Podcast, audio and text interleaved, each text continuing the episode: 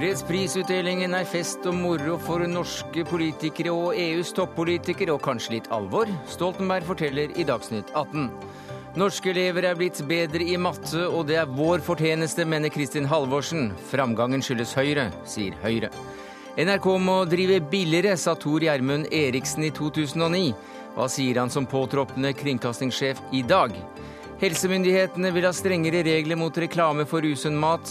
Dette må vi få styre selv, sier NHO. Og Jesus-fri TV-advent viser at NRK ikke tar jula på alvor, mener Tankesmie, og møter NRK til debatt.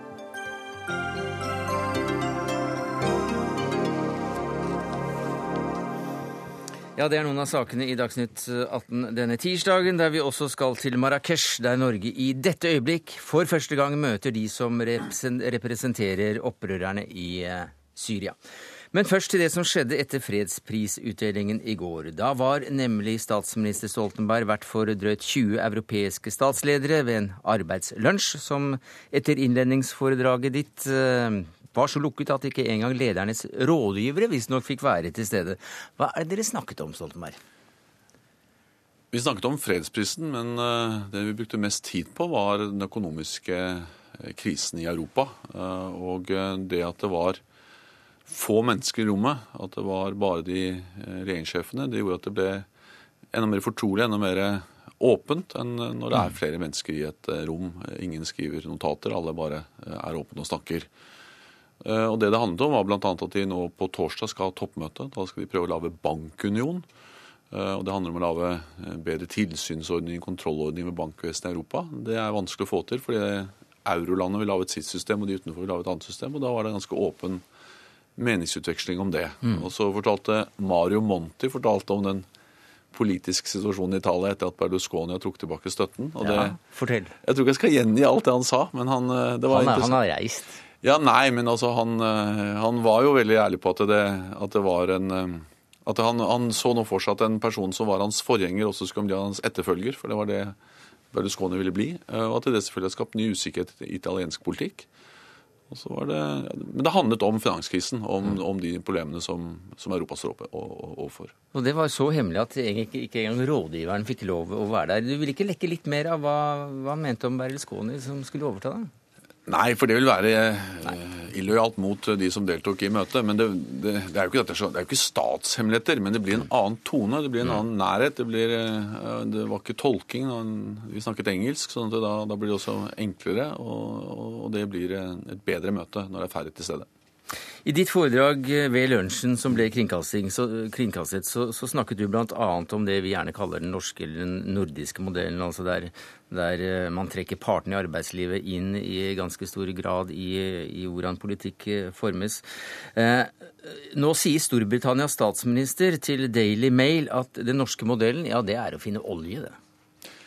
Det er helt riktig at vi har en stor fordel av at vi har store naturressurser. Samtidig så Eh, eh, holder ikke bare å finne olje. Det er det eh, flere land som har gjort. Har store naturressurser. Men du må også forvalte dem på en god måte. Det at det er store forskjeller mellom land, gjør at jeg tror ikke det er mulig for land å kopiere hverandre, men vi kan la oss inspirere av hverandre.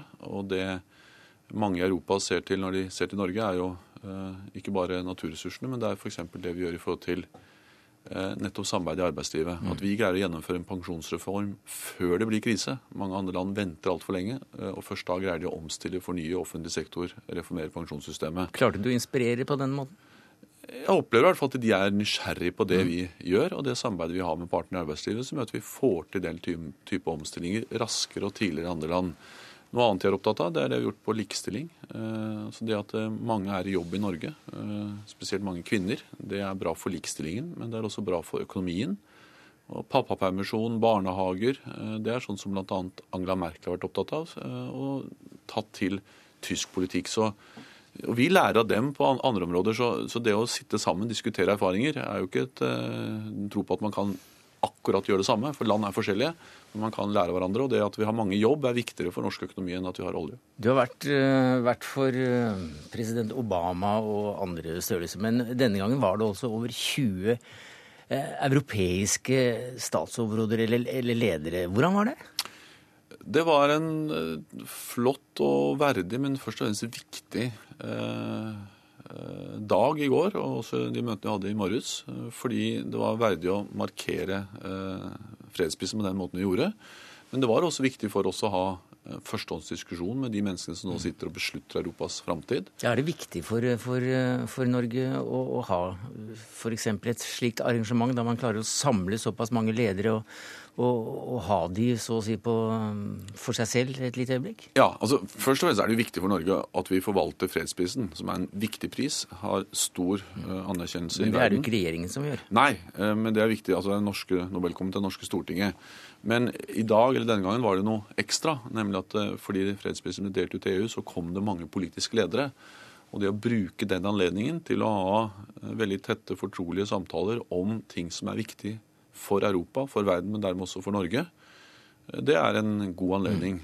Og eh, dette er jo mennesker som vi treffer i Nato-sammenheng, i FN-sammenheng, i bilaterale møter. Men eh, det å være i direkte dialog om ting som står veldig høyt på den politiske dagsordenen, og som de skal drøfte blant annet, altså på, på torsdag allerede, bl.a. å lage nye regler for regulering av banker.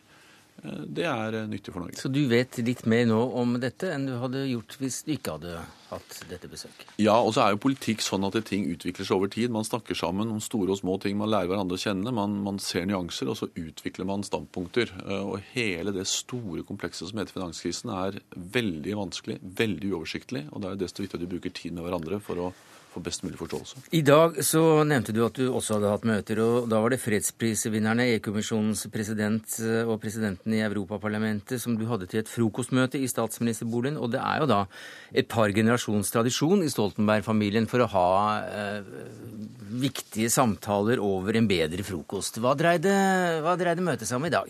Det var faktisk mye av det samme, men mer i detalj og mer eh, konkret. I tillegg snakket vi om klima. Eh, og det som jo er dypt bekymringsfullt, er at det er ikke noe tvil om at finanskrisen, som jo dominerer europeisk politikk, som handler om 25 millioner mennesker uten jobb, har også bidratt til at nok oppmerksomheten om klima har vært mindre.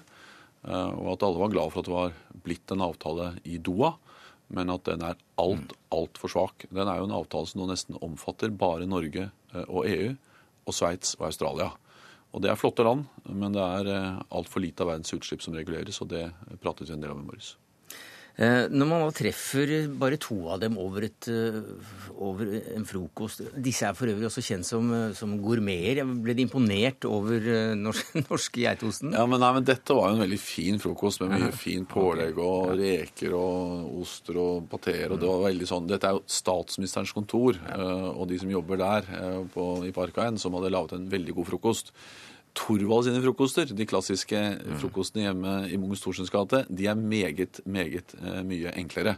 For det handler gjerne om eh, noe knekkebrød og noe geitost og noe sånn syltetøy på glass. Mm. Men uh, stemningen er god uavhengig av serveringen. Det er det at man sitter sammen, spiser noe mat sammen, drikker kaffe, som gjør at man får prate sammen. Stoltenberg, du skal av gårde til fredspriskonserten. Gleder du deg mest til Sil eller hun fra Sex og singelliv?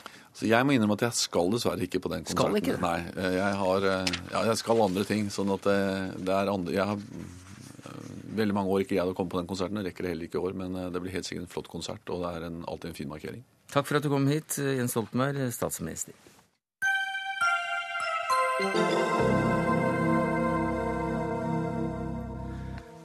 Så til noe så sjelden, må vi nesten si, som framgang for norske elever på internasjonale statistikker. For norske elever i fjerde klasse er blitt flinkere i matte. I alle fall om en skal dømme etter den siste internasjonale undersøkelsen, TIMS. Liv Sissel Grønmo, du er prosjektleder for denne matteundersøkelsen. Hva er det den viser?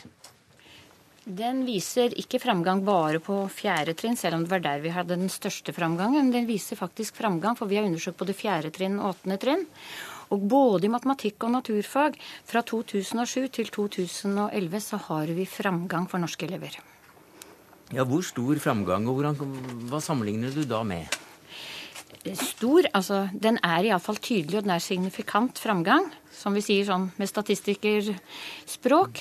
Og det Ja, At er man kan være sikker på det. man kan være sikker på det. Og det er andre gangen vi måler framgang.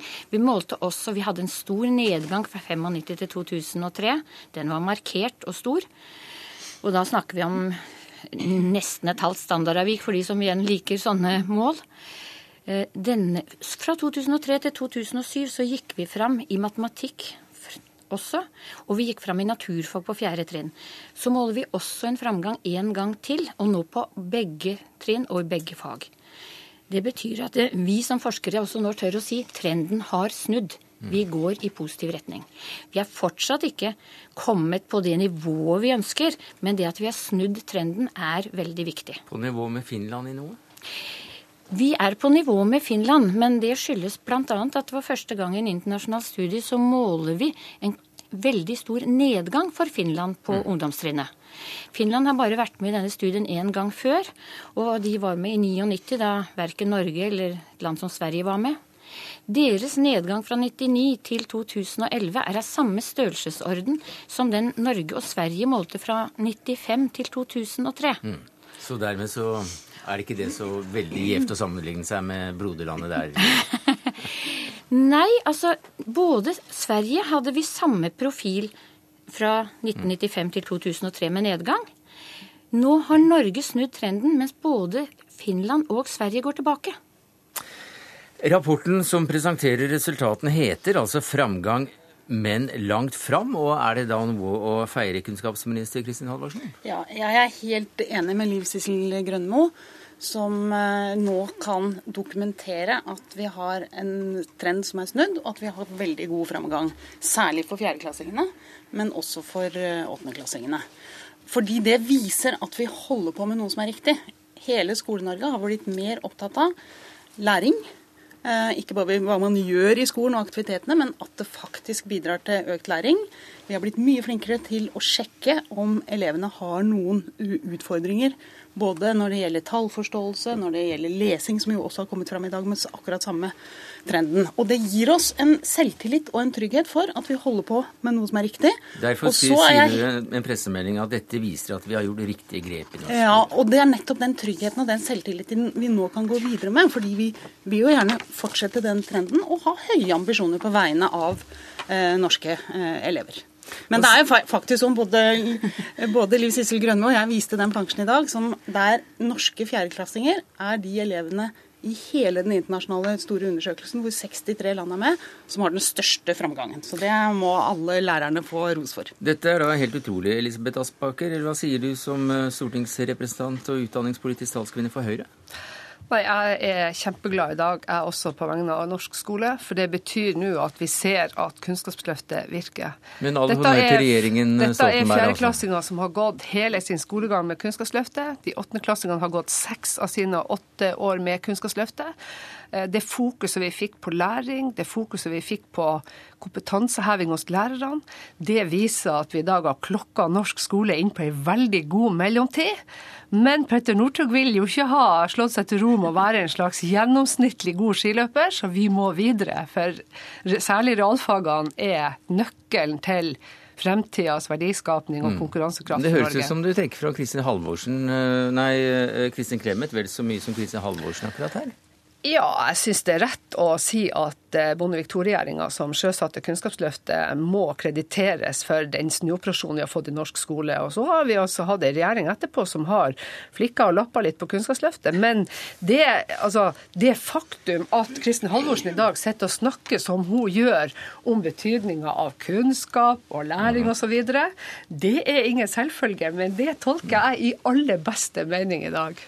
Jeg, jeg har lyst til å være litt eh, rausere enn Høyre er på en dag som denne, fordi at eh, det var Trond Giske i sin tid som satte ned den komiteen som lagde eh, utgangspunktet for Kunnskapsløftet, og, Kristin Clemet foreslo det overfor Stortinget.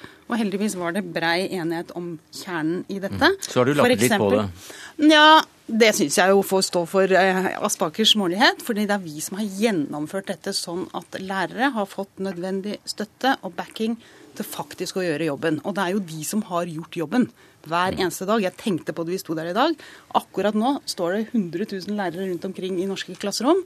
At de får den selvtilliten og den tryggheten på at når vi konsentrerer oss om læringsutbytte, gir elevene gode tilbakemeldinger, finner ut av hva det er de strever med, setter inn tiltak raskt, er mm. på plass med tidlig innsats, da vet vi at det går rette veien. Så det er jeg veldig godt fornøyd med. Men, men vi har jo en jobb å gjøre. Altså, for jeg tror at uh, De som hørte John Hattie som var i Norge nettopp, og som snakka om betydninga av den gode læreren, altså vi har en jobb å gjøre i forhold til å få på plass enda uh, bedre kvalifiserte lærere helt ned i barneskolen. For det er der jobben og grunnlaget må legges i forhold til mer grunnleggende ferdigheter, bedre kunnskaper i fagene, sånn at vi kan få elevene godt og vel gjennom ungdomsskolen. Men er det ikke tverrpolitisk enighet, noe, tverrpolitisk nei, enighet om det? Nei, vet du hva.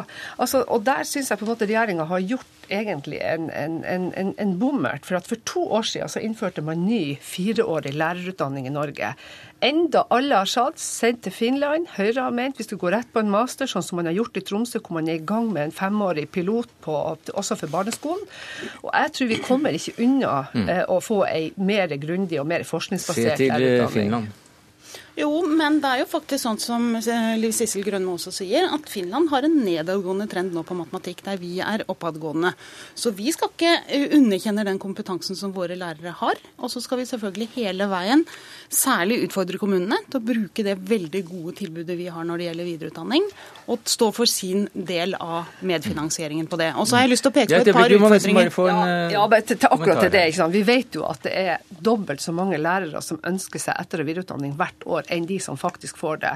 Og det er klart at Hadde vi fått et mer desentralisert opplegg og ville lagt mer penger inn i det, så kunne mange flere lærere fått det kompetanseløftet de gjerne ønsker. Det vi først og fremst mangler, det er kommuner som vil ta sin uh, andel av dette og gi lærerne fri til å ta videreutdanning. Og når jeg går nærmere gjennom og ser hvilke kommuner er det som faktisk investerer i lærerne sine, og hvilke er det som ikke gjør det, så er det ikke dårlig eller god kommuneøkonomi som avgjør det. Det har noe med bevisstheten å gjøre, og det oppfordrer jeg til.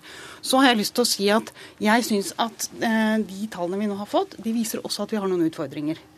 De høyest presterende elevene, eller de som er best i fag, de kan bli bedre. Vi har klart å løfte de i bånn veldig bra, og det er veldig viktig. Men det er en del elever som ikke får store nok utfordringer i skolen. Ja, for, du, du, du, et øyeblikk, for du sier, Liv Sissel Grønmo, som ansvarlig, norskansvarlig for det hele, at uh, norske skoler er for opptatt av at ting skal være morsomt? Til Aftenposten i dag? Ja, altså hvis du skal lære noe. Jeg syns det er fint at man har spennende aktiviteter, at man motiverer elevene og annet. Det er fint. Men vi må også legge vekt på at for å lære noe, så er det også snakk om hardt arbeid. Det er systematisk arbeid. Og jeg har vært lærer sjøl i 14 år, selv om det er langt tilbake. Ingenting er mer motiverende for en elev enn å oppleve at man mestrer noe. Jeg har jobbet med spesialelever som sleit i matematikk, og de er ikke så vanskelig å finne, verken før eller nå. Mm. Sånn at det, at vi lærer dem å jobbe systematisk over tid, er veldig viktig. Du, Jeg må nesten spørre deg, for de fleste har vel ikke hørt om denne TIMS? Hvem nå det var.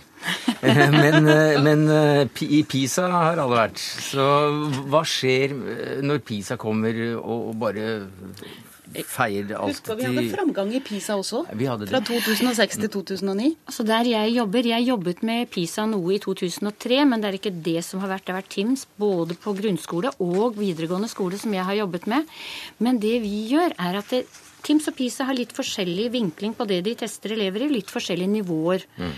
Hvilket er viktig fordi vi da ser de konsistente. Altså, vi understøtter hverandre når vi mm. bruker det. Det er viktig at Norge ikke bare er med i én av disse studiene. Det er det Finland bl.a. har eh, gjort. De har bare vært i mm. PISA. Og de har da fått inntrykk av at det er veldig bra, for de ser da hovedsakelig på det som vi kan kalle hverdagsmatematikk. Og den neste PISA-undersøkelsen, den er klar om den kommer til neste år. Takk skal du ha, Liv Sissel Grønmo, førsteamanuensis ved Universitetet i Oslo. Elisabeth Aspaker, stortingsrepresentant for um, Høyre. Kristin Halvorsen, kunnskapsminister for SV.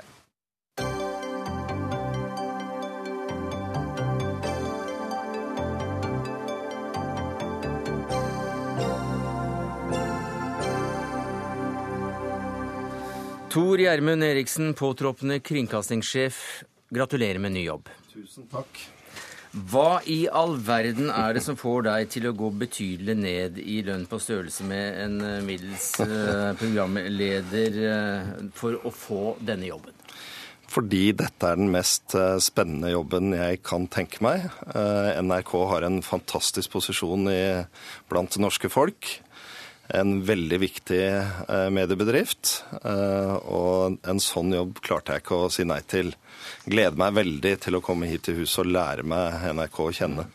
Vi skal ikke dvele mye med at du går, at du går ned i lønn, men det er jo ganske sjelden da, i Norge? Ja, Fleipe det bort og si at det er jo av og til deilig da, også å gjøre et valg som ingen kan mistenke en for at det er økonomisk motivert. Og så må jeg forte meg å si da at lønna i NRK er en veldig god lønn, og en høy lønn. 2,5 Ja, det er, har et utmerket godt liv med, med den lønna. William Nygaard, styreleder i NRK. Kan man stole på et menneske som er villig til å gå ned i lønn i våre rasjonelle tider? altså det, jeg syns at tiltroen øker jo lavere man går, på sett og vis. Ja. Så, så, jeg syns dette er helt greit. Men dere har altså da gjennomgått eh, var det 80 søkere eller noe slikt? og så... Nei. Ikke 80 søkere, men vi har hatt 80 navn. Navn, ja, på blokka. Og så har dere da kommet fram til eh, at det var to stykker som var de formelle søkerne, da, eller fem stykker, hvorav to var så, såkalt håndplukkede. Eh, det de fleste reagerer på her, det er selvfølgelig at eh, Du kan si mye pent om Tor Gjermund Eriksen, men noen kvinne er han ikke. Nei. Eh, nå skal jeg ikke nå liksom si noe som er kritisk eh, fordi vi ikke klarte å finne frem til en kvinne. Og eh, som vi sa hele tiden, det var helt avgjørende for oss at vi fant frem til den eh, best siktede kandidaten uavhengig av kjønn. Men vi hadde jo et lite sånn hjørneblikk mot kvinnelige ledere, ikke minst da innen media, og har også hatt samtale med meget dyktige kvinnelige ledere. Det har vi hatt. Men hva er det da som gjør at Tor Gjermund Eriksen ble den ypperste av de ypperste? Det er faktisk lett å svare på. Eh, Tor Gjermund Eriksen har eh, tre kvaliteter som er eh, fremragende. En ting er at han er et bra menneske med integritet. Det andre er at han har en usedvanlig lang ledererfaring innen media. Og det tredje er at han kombinerer dette med publisistisk kompetanse og erfaring. Eh, eh, Eriksen, du eh, var jo som da A-pressesjef og senere A-mediesjef eh, med på å selge TV 2. Eh, da solgte du altså en allmennkringkaster eh, for å få råd til å kjøpe Edda Media for et års tid siden. Det var mest aviser. Hva er det som da gjør at du er trigget til å gå inn for allmennkringkaster igjen? Det er jo likheter mellom, mellom A-media og NRK, mm. uten å trekke det for langt. Uh, norske lokalaviser har en fantastisk lang og, og ærefull historie. De har også et viktig samfunnsoppdrag og en, og en slags allmennkringkasterfunksjon også i lokale, sine lokale markeder. NRK har også et stort mangfold og er veldig viktig for folk. Sånn at eh, det er jo det publisistiske, den, den oppgaven man, eh, man, har, den plassen man har i folks hverdagsliv, som er ganske likt. Eh, jeg er helt sikker på at folk på Gjøvik er veldig glad både i Oppland Arbeiderblad og i, i distriktssendinga til, til NRK. Alf Hildrum, sjefredaktør i TV 2, landets andre allmennkringkaster. Dermed da en, en, viktig konkurrent, selv om du gjerne sikkert vil snakke om eh, alle likhetspunkter og felles mål og oppgaver som dere to eh, har. Men hva slags motstander er det du får nå i den andre siden av ringen, så å si?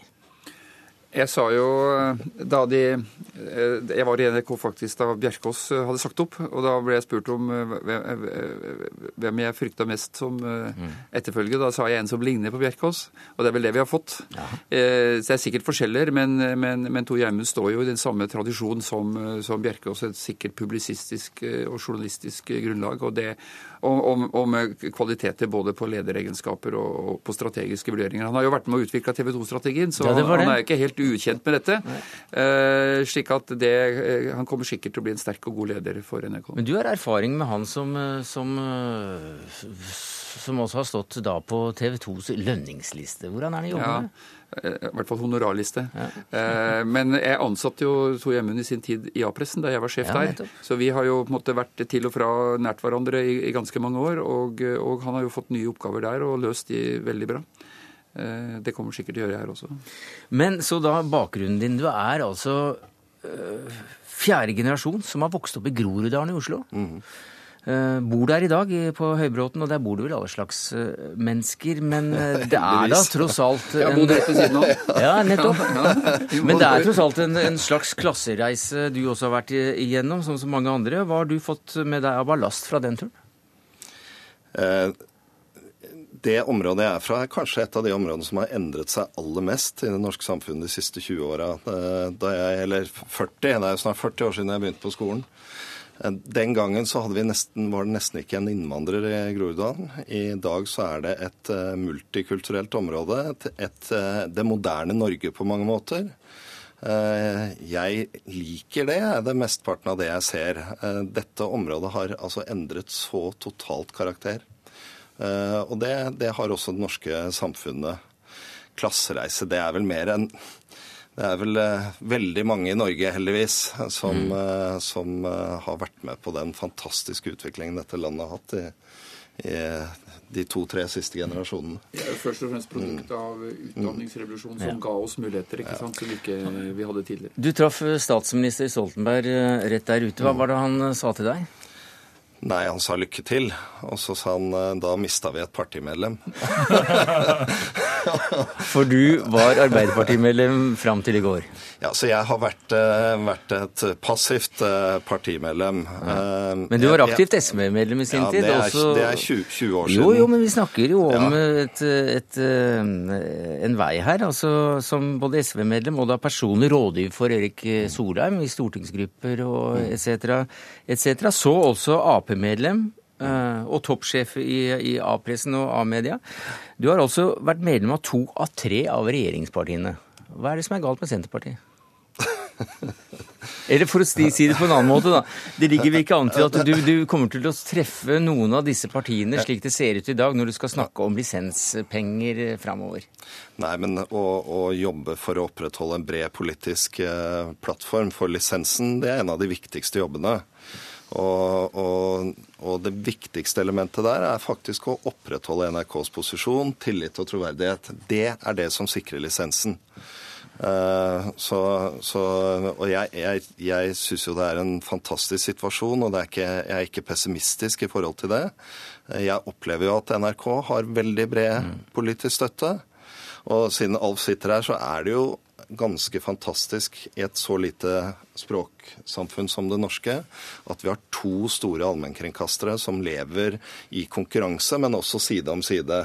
En lisensfinansiert og mm. en kommersielt reklamefinansiert. Men apropos dette med lisensen. Mm. I en knallhard debatt om eh, NRKs programdirektør Per Arne Kalbakk i 2009, som da ikke ble ny kringkastingssjef, så okket du deg over at NRK som den eneste mediebedriften i landet kunne utlyse stillinger og ansette nye, mens alle andre nedbemannet, og det takket være da denne lisensen, som du ikke var videre begeistret for. Er det, er det tankegods du, du, tar med deg Nei, men videre? Der tror jeg du tar feil. Jeg har alltid vært en veldig sterk tilhenger av en lisensfinansiert allmennkringkaster. NRK må drive eh, billigere, sa du den gangen. Det, det, det, som var situasjonen den gangen, det var altså høsten 2008 eller våren 2009. Mm. Da hadde, vi, hadde Europa den kraftigste finanskrisen som vi noen gang hadde opplevd. Det som var mitt hovedpoeng der, og det mener jeg fortsatt, det var at i, det var ikke riktig at NRK skulle øke inntekter ved hjelp av reklameinntekter, annonseinntekter. Og det vil jeg være veldig tydelig på i dag òg. Der mener jeg at styret og Hans Tore Bjerkås har gjort det eneste riktig kutte ut salg av, av annonser på nettet. De blir vel ganske fordi, tvunget til det jo, men gjennom fordi, jo, men Det er riktig fordi det undergraver lisensfinansieringen. Mm. Sånn at eh, jeg står godt inne for den, eh, den, eh, det synspunktet. Mm. Men allikevel så står, så står det foran deg et, et, et, stort arbeid. Så stort at du sier på pressekonferansen i dag at NRK om seks år, når årmålet ditt er ute, kommer ikke til å være det NRK er i dag. Det kommer til å være helt forskjellig. Eh, og da er det jo noen som da lurer på, siden du har vært ryddegutt både i Dagbladet og som redaktør i A-pressen, uh, sjef der, hvor raskt uh, skal folk begynne å gå herfra? Nei, ingen, ingen, skal begynne å gå. Det, det, jeg mener med det, er at NRK må kontinuerlig utvikle seg. Og det er bare å se seks år tilbake, da Hans Tore Bjerkås startet. Det er en annen mediebedrift i dag enn, enn det var for seks år siden.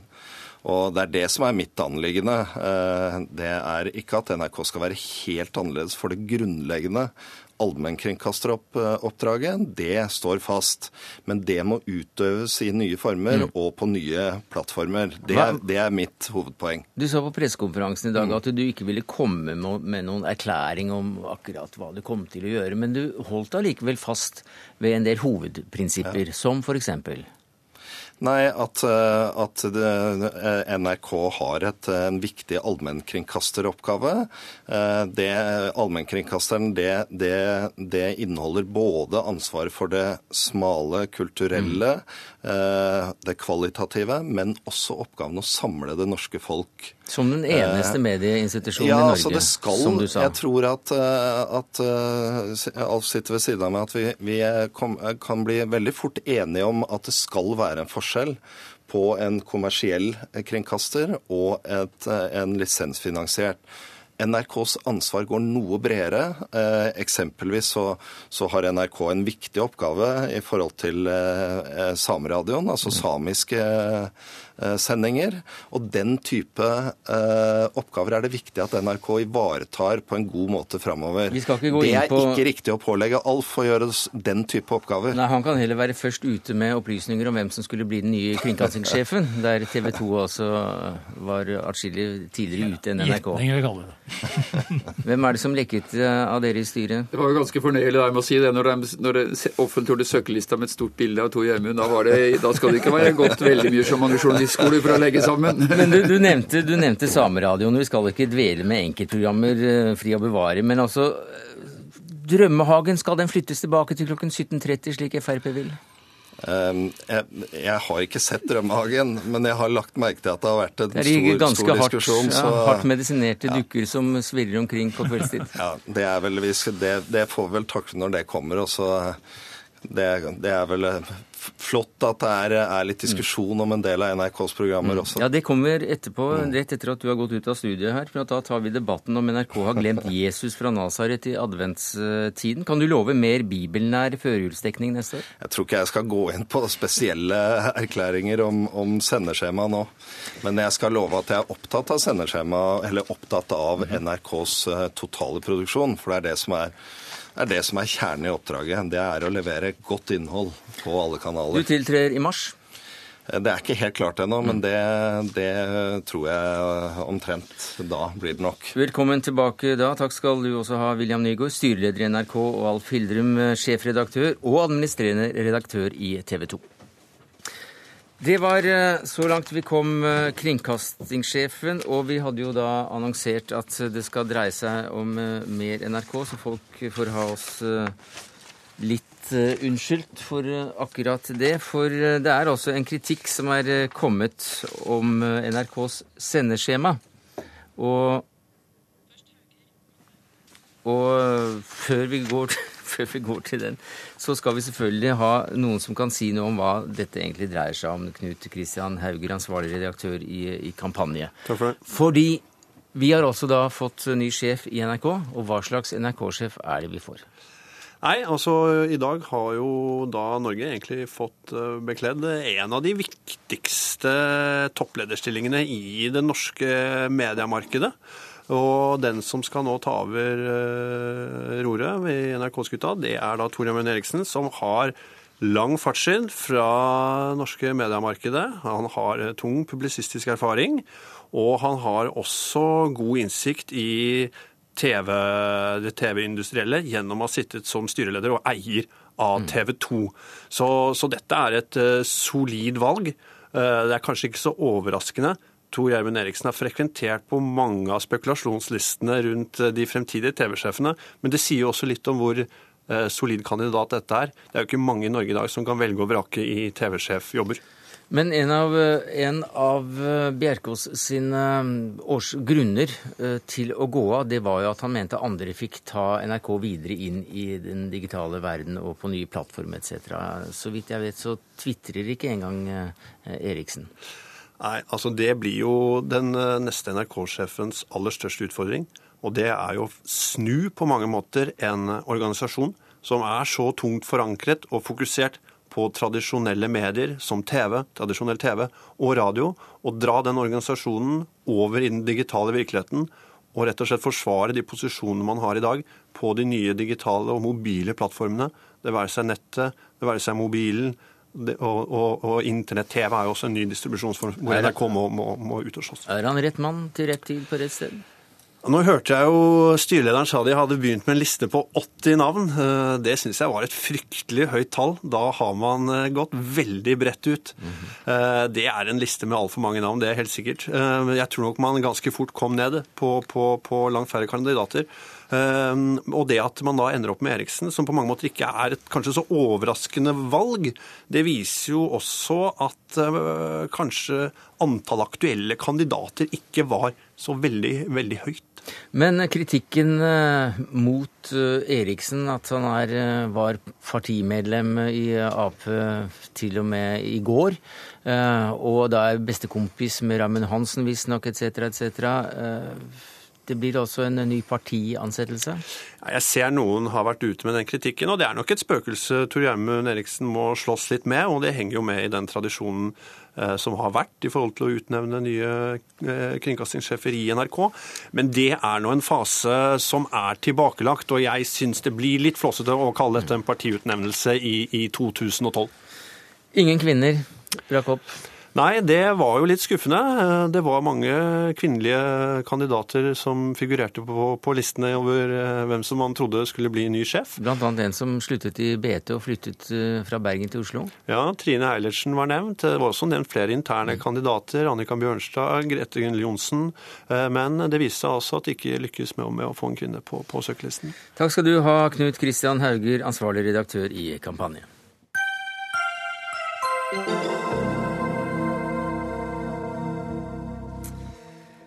Så skal vi eh, snakke om verdier og NRK. For NRK har ingen TV-programmer som markerer at ukene før jul har noe med Jesus fra Nasaret å gjøre. Det mener kristenfolk fra avisene Vårt Land til familier og medier. Hermund eh, Haaland, du er daglig leder i Kristne Tankesmien Skaperkraft. Hvordan ser du på dette? Nei, vi tenker jo at den tiden vi nå går inn i med julen som ligger foran, så er adventen en, en viktig forberedelse for det også i norsk eh, julefeiringstradisjon. Og eh, når NRK har en plakat som sier at man skal formidle våre Norges religiøse arv, så er dette en fantastisk mulighet på å formidle eh, den historien og den arven til det norske folk. Men, Men da skjer ikke det nå i advent, og det, det burde det kanskje gjort. Hva er det du savner? Jeg savner fokuset på, på altså både symbolikkene knyttet til feiringen. Hva er grunnen til at vi feirer jul, og hva er grunnen til at vi forbereder julefeiringen? Eh, men vi savner også historier eller glimt. og Det kan jo være på kreative måter. Det trenger ikke bare være i gudstjenesteform eller i forkynnende form, men, men at, at, dette blir en del av julehistorien. Som, ja. Jula handler altså ikke bare om vintersolverv og moro rundt enebærbusken, så hvorfor er det ikke plass til Jesus på skjermen i adventstiden, TV-sjef i NRK Arne Helsingen? Jo, det er jo plass til eh, det også, men jeg vil bare si sånn med en gang at i plakaten så står det at vi skal gjenspeile Norges uh, religiøse arv og eh, livssyn og religion ellers i samfunnet, at, i det norske samfunnet. slik at vi har jo et ganske bredt oppdrag. Eh, men hvor mange er medlem av statskirken her i landet? Det må være en 70-80 Ja, men vi har altså veldig stor eh, Vi har store satsinger rundt uh, høytidene våre. Uh, og vi har ikke hatt noen spesiell tradisjon med adventsgudstjenester og de type programmer på TV. Derimot så har vi hatt eh, en veldig bred dekning på NRK P1, eh, altså største radiokanalen. Men da er vel alt i orden? Nei, ja, ikke helt. Nei, altså, jeg, jeg, hørte tilfeldigvis NRK, jeg tror det var Ekko, eh, radioprogrammet, ja. hvor man eh, debatterte disse sterkere tradisjonene i norsk uh, juleforberedelser, bl.a. Uh, TV-programmene jule, på lille julaften. Man snakket om Askepott på julaften. Hvor sterkt og viktig dette var for det norske folket. Og hvis man ser på de tusen årene med, med kristen tradisjon, så uh, i hvert fall så lenge jeg var ung og, og i min oppvekst, så var det normalt at Jesus var nevnt i perioden før jul. Eh, og at eh, dette er en gyllen mulighet. Jeg er jo litt redd for kanskje at NRK tenker at eh, vi er blitt så sekulære i Norge at, at dette er ikke så viktig lenger. Og at man kanskje ikke er nok bevisst, uten å legge for mye skumle baktanker i fanget på, på, på deg. Men, men Vi skulle ønske at dere var litt mer proaktive. Og, og med så mye kompetanse og kreativitet som, som finnes i dette huset, så trenger det ikke bli kjedelig. Nei. Eh, altså jeg bare ser at vi har, en, vi har en stor satsing. Vi har både den forkynnerdelen og vi har eh, den journalistiske delen. Og vi dekker trosspørsmål hver dag hele året og har et spesielt fokus på Norges religiøse arv rundt jul, påske, pinse, allhelgensdag, som er helt naturlig for oss. Og jeg tror nok at dere ikke kommer til å bli skuffet over det tilbudet vi har i år. Eh, og så er vi åpne for innspill på, på fra, som vi får for, egentlig fra veldig mange kanter i landet, på ønsker, og, og, vi tar det med inn i diskusjonen for kommende sesonger. Men radioens store kanal P1, der har du altså kristenprogrammer, men ikke på TV nå? Jo, vi har det på TV også. I julehelgen har ja, vi Men ikke hele adventstiden? Eh, vi har underveis som er livssynsprogrammer. Men, men altså Fantorangen. For han forholder seg ikke i det hele tatt til dette med fem brød og, og to fisk. Foretrekker sjøbanan. Jesu fødsel er ikke et sentralt tema i den bejublede serien Julekongen. Tror du ikke norske barn savner historien om dette unge paret fra Nasaret? Krybben, eselet, hyrdene på marken i ventetiden? Og den får de på julaften, og de får den første juledag. Jeg vil si at, at, Det som er litt, litt, bekymringsfullt, og derfor skulle jeg ønske NRK tok muligheten også i advent, det er at, at, det er flere og flere nordmenn som vokser opp uten kunnskap om de enkle julefortellingene som, og kristne fortellingene som, som er i vår arv.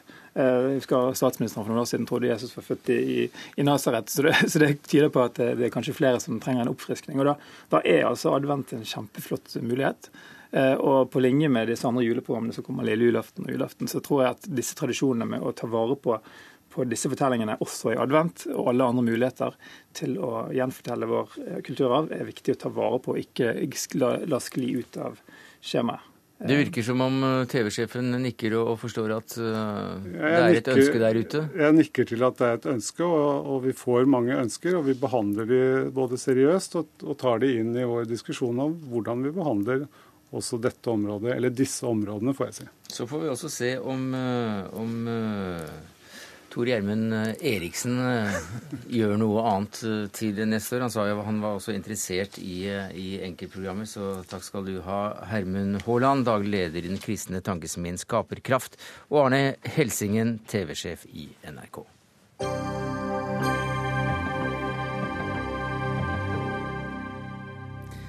Ja, Det nærmer seg altså bukesprengstider, og nå skal eh, fettvettreglene utvides til også å gjelde restriksjoner på hva slags mat det skal være lov til å reklamere for. For tidligere i høst sendte Helsedepartementet ut et forslag på høring om strengere regler for markedsføring av usunn mat. Dette for å beskytte barn og unge bedre mot denne type reklame. Knut Inge Klepp, som assisterende helsedirektør, så støtter du nå dette fullt ut. Hvorfor det? Barn er en utsatt gruppe. Vi ser at overvekten øker eh, til dels sterkt eh, blant eh, norske barn. Og vi ser at det er omfattende markedsføring av usunn mat og drikke retta mot barn, både i Norge og internasjonalt. Og barn de legger merke til denne markedsføringen, de setter pris på den, de, og det påvirker deres kunnskap, holdninger, spiseatferd. Ja, vet vi det? Det er det omfattende litteraturforskning på, ja. Så hvis du tar bort reklamen f.eks. For, for hamburgere eller eller ostepop, så, så vil salget reduseres eh, blant denne årsgruppen. Ja, det er jo litt avhengig av hvilken aldersgruppe vi eh, snakker om. Ja, Hvilken aldersgruppe snakker du om? Ja, Nå snakker jeg om eh, barn, og det er jo opprinnelig denne forskriften definert som barn er definert i Norge, opp til 18 år. Mm. Men det er klart at de minste, der er det nok denne såkalte nagging factor, at de maser på foreldrene for å få mer slikkeri og søtsaker. Roald Gudbrandsen, direktør for næringspolitikk i NHO Mat og drikke. I forslaget heter det at eh, det burde være restriksjoner i markedsføringen. Hva syns du om det? Ja, for det første har jeg lyst til å si at Vi har stor forståelse for at myndighetene leter etter tiltak på dette området. Det er en stor, eh, det er en stor samfunnsutfordring. Hva syns du om dette tiltaket? Dette tiltaket er et tiltak som vi mener blir for alvorlig, eller for, for, for store konsekvenser ut fra et næringsståsted. Vi har jo... det virker, virker for godt? Vi har jo allerede i dag en, en selvregulering mot eh, reklame for barn som har virka siden 2007. Nå, er, nå, kan det godt være at den ikke er, har vært optimal, slik at vi må forbedre den, og det har vi lagt inn et forslag til.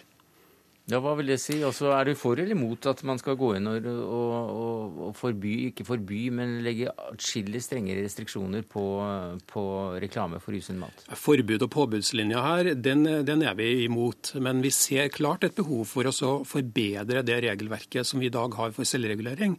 Eh, og Det har vi lagt inn et forslag til eh, norske myndigheter på, og det håper jeg også statsråden vil ta seg tid til å lese og ha en dialog med oss på, på hvordan vi kan få det enda bedre. Men her er det nå også et forslag som, som vel dere også mener da kommer til å virke, siden dere er imot det? Vi mener at dette forslaget vil gi et totalforbud mot markedsføring overfor øh, folk helt opp, til, helt opp, til, 18 år. Ja. Og Det betyr altså i praksis et totalforbud. Hvor, hvordan kan det det? Jo, fordi at eh, det er umulig for oss å skille på markedsføring for folk som er 17 år og folk som er 19 år. og I praksis så vil dette her bety et totalforbud. og Det betyr at den type produkter som mange syns det er ålreit å ta litt av i jula, det blir lagt i grå poser. Og det, det, er vel ikke dere imot at det faktisk eh, i praksis blir et totalforbud, Knut Inge Klepp? Altså, det er jo ikke snakk om et totalforbud, det er snakk om det som er retta mot barn og unge. og jeg tror at... Jo, men du, hører, du ja, hører, at det er veldig vanskelig å... Jeg hører at 17 og 19 år kan være vanskelig, men jeg tror ikke det er så vanskelig der som er rettet inn mot godt voksne. Og det er foreldrene som tenker må være den viktige målgruppen her, ikke barna. Ja, er, det, er, det, aviser eller, eller tidsskrifter som Vi over 60 da, som skal få lov å få sånne reklamer? Nei, men Det tror jeg at eh, altså, matvareindustrien som andre markedsførere er jo flinke til å segmentere markedet og se hvilke målgrupper når i, i hvilke kanaler. Og eh, det vi ser, eh, altså I Norge er det lite på TV, det er det en del i andre land. Det vi ser internasjonalt, at det er mye nye elektroniske medier som reklamer retter seg mot. Mm. Ja, vi er opptatt av å drive så god markedsføring som mulig. og Det som jeg tror kanskje man ikke ser her også, det er jo det at vi over en eh, tolvårstid nå har redusert sukkerforbruket i Norge med en sånn 12 kilo per, per, innbygger. Noe av det har jo sin sammenheng med det at aktørene har begynt å, å markedsføre mer produkter som ikke har sukker i seg, f.eks. Den samme utviklingen har vi lyst til å se på både fett og, og salt mm. osv. Så de, dere vil gjerne komme ø, også myndighetene i møte her, men da ikke med påbud? Nei, påbud og forbudslinje det, det, har vi ikke så mye tro på. Vi har mye mer tro på en dynamisk utvikling hvor vi får anledning til å drive aktiv innovasjon på, på området som går i, i skjæringsfeltet mellom mat og helse. Og hvis resultatet blir det samme, nemlig redusert inntak av fett og sukker, så er vel ikke dere myndighetene heller negative til det? Nei, det er klart det er resultat som er viktig. Og jeg vil understreke at på veldig mange områder har vi jo et veldig godt eh, samarbeid mm. med eh, matvareindustrien og næringen. Bl.a. matmerking er nøkkelhullet. Eh, men eh, Verdens helseorganisasjon har eh, gjort et stort arbeid her og lagd eh, kjøreregler for verdenssamfunnet for hvordan en skal klare å redusere markedsføringstrykket mot barn og unge. Og dette er et forsøk på å følge de opp i, i eh, Norge. Men hvilke konsekvenser kan et slik forbud få for næringen? Ja, For oss fra et sånn næringsståsted så blir det en merkelig eh, arena å konkurrere på. Internasjonale aktører kan drive markedsføring på, mot Norge gjennom TV f.eks.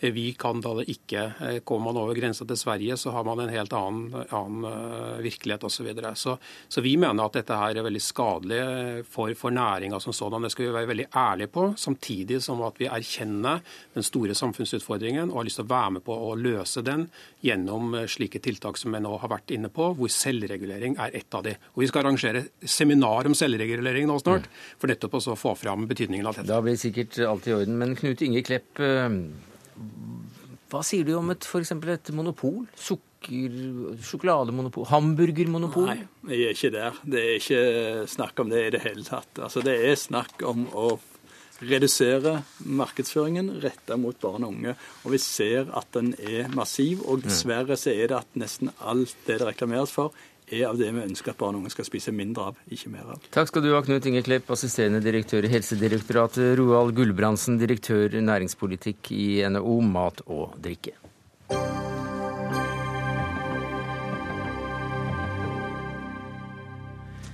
I dag møtte statssekretær i Utenriksdepartementet Torgeir Larsen den syriske opposisjonsalliansen Nasjonal koalisjon for første gang. Det skjedde i Marrakech, Marokko, for under en time siden. Og du har akkurat kommet ut av møtet der i Marokko.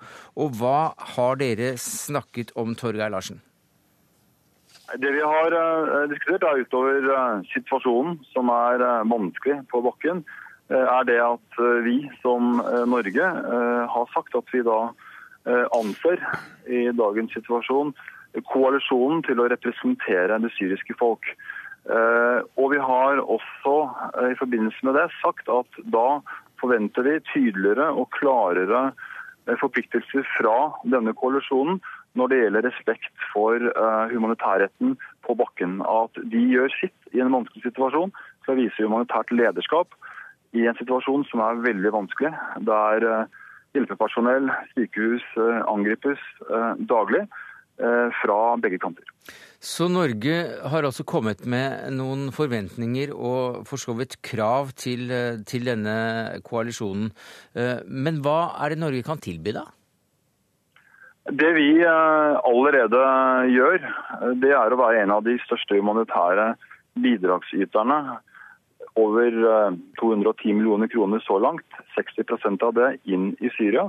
Og økende grad eh, midler som kanaliseres inn i området som på en eller annen måte i anførselstegn er under kontroll av eh, opposisjonen gjennom da ulike humanitære kanaler. Og Vi har også konkret i dag diskutert hvordan vi skal bedre koordineringen informasjonsflytende mellom det vi gjør og det koalisjonen gjør. Og Helt konkret så har vi invitert dem gjennom et initiativ til Genéve for eh, å diskutere nærmere med de sentrale internasjonale humanitære aktørene både prinsippene eh, og hvordan eh, vi kan bedre og styrke respekten på bakken og bedre effektiviteten i kvalifiseringen inn i, i disse områdene. Du har vært i dette studioet her flere ganger Larsen, og fortalt om hvor splitt splittet denne opposisjonen og, og, disse opprørerne er.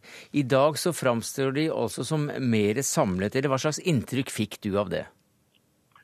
De er mer eh, samlet. og Det er en av viktige altså bakgrunnen for at vi har sagt det vi har sagt. er at Gjennom de siste par månedene så er det skjedd eh, altså en bredere eh, samling. Eh, og Det vi gjør, er politisk støtte til det samlingsarbeidet som vi mener har kommet så langt nå at det fortjener den støtten vi har gitt dem. Også for å gjøre de sterkere vis-à-vis -vis de ekstreme kreftene som står utenfor koalisjonen.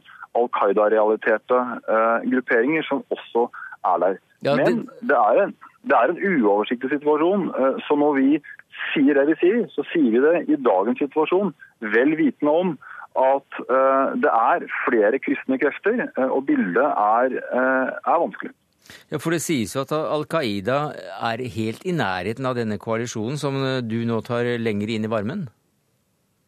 Det er slik at denne koalisjonen omfattes en, en lang rekke grupperinger. Men de vi kan kalle for de ekstreme gruppene, er utenfor. Eh, og Det er viktig for oss eh, å styrke de og, og sørge for at det også er klart altså lederskap i forhold til eh, det at ekstreme krefter, ekstremisme, er noe som vi tar avstand fra. Så er det en sammensatt koalisjon.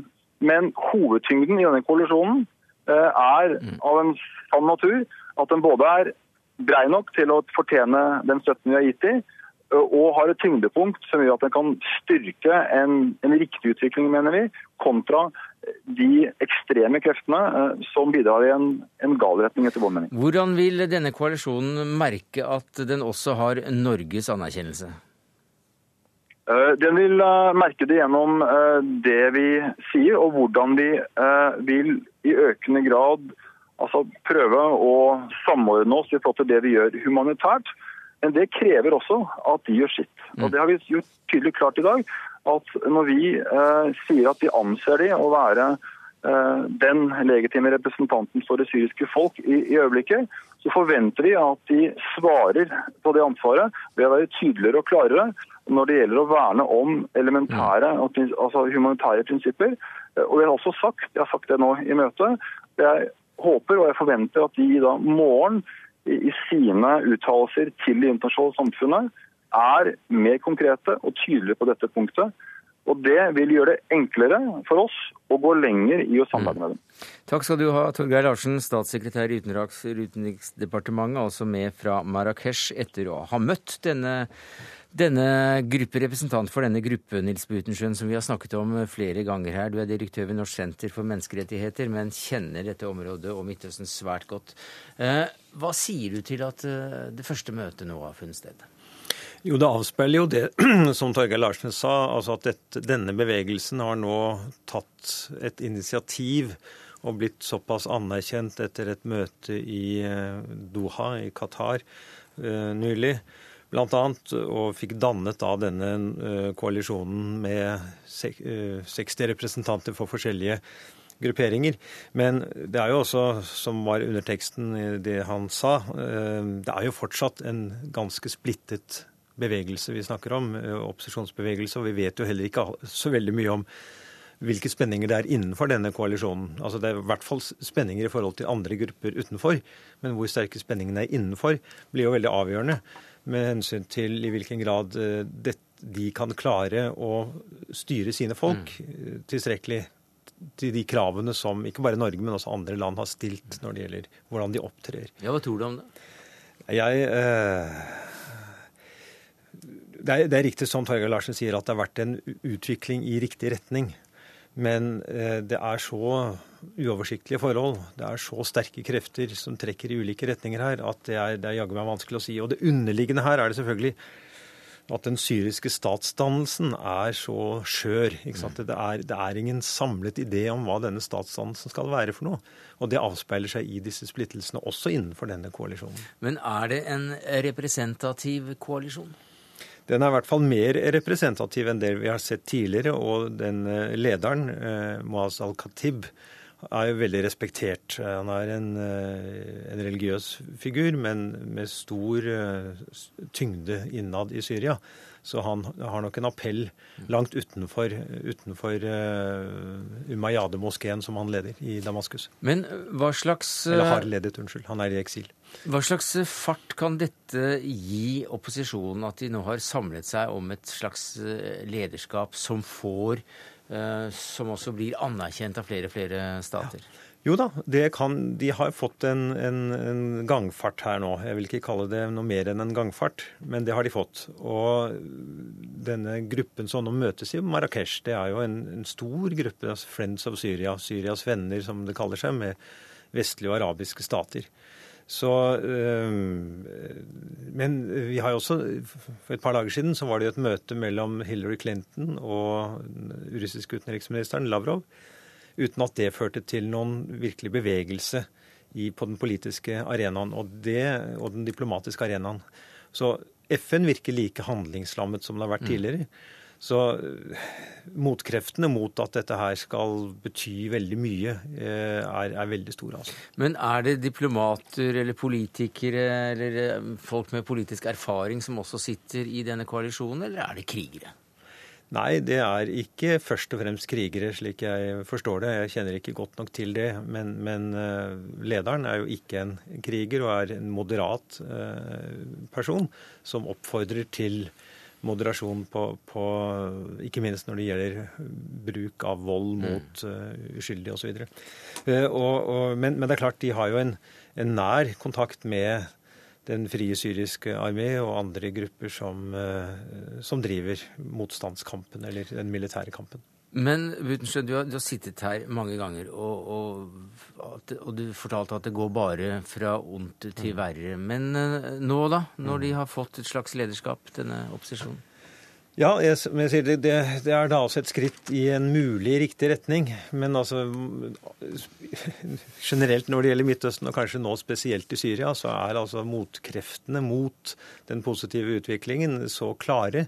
Og gangfarten ikke større enn at den veldig lett kan eh, ende i eh, totalt eh, bomstopp. Takk skal du ha, Nils Butenschøn, direktør ved Norsk senter for menneskerettigheter. Det var det vi rakk i Dagsnytt 18 denne tirsdagen. Ansvarlig for det hele var Siri Storstein Hytten. Tekniske hadde, det tekniske ansvaret hadde Lisbeth Sellereite. Jeg heter Sverre Tom Radøy.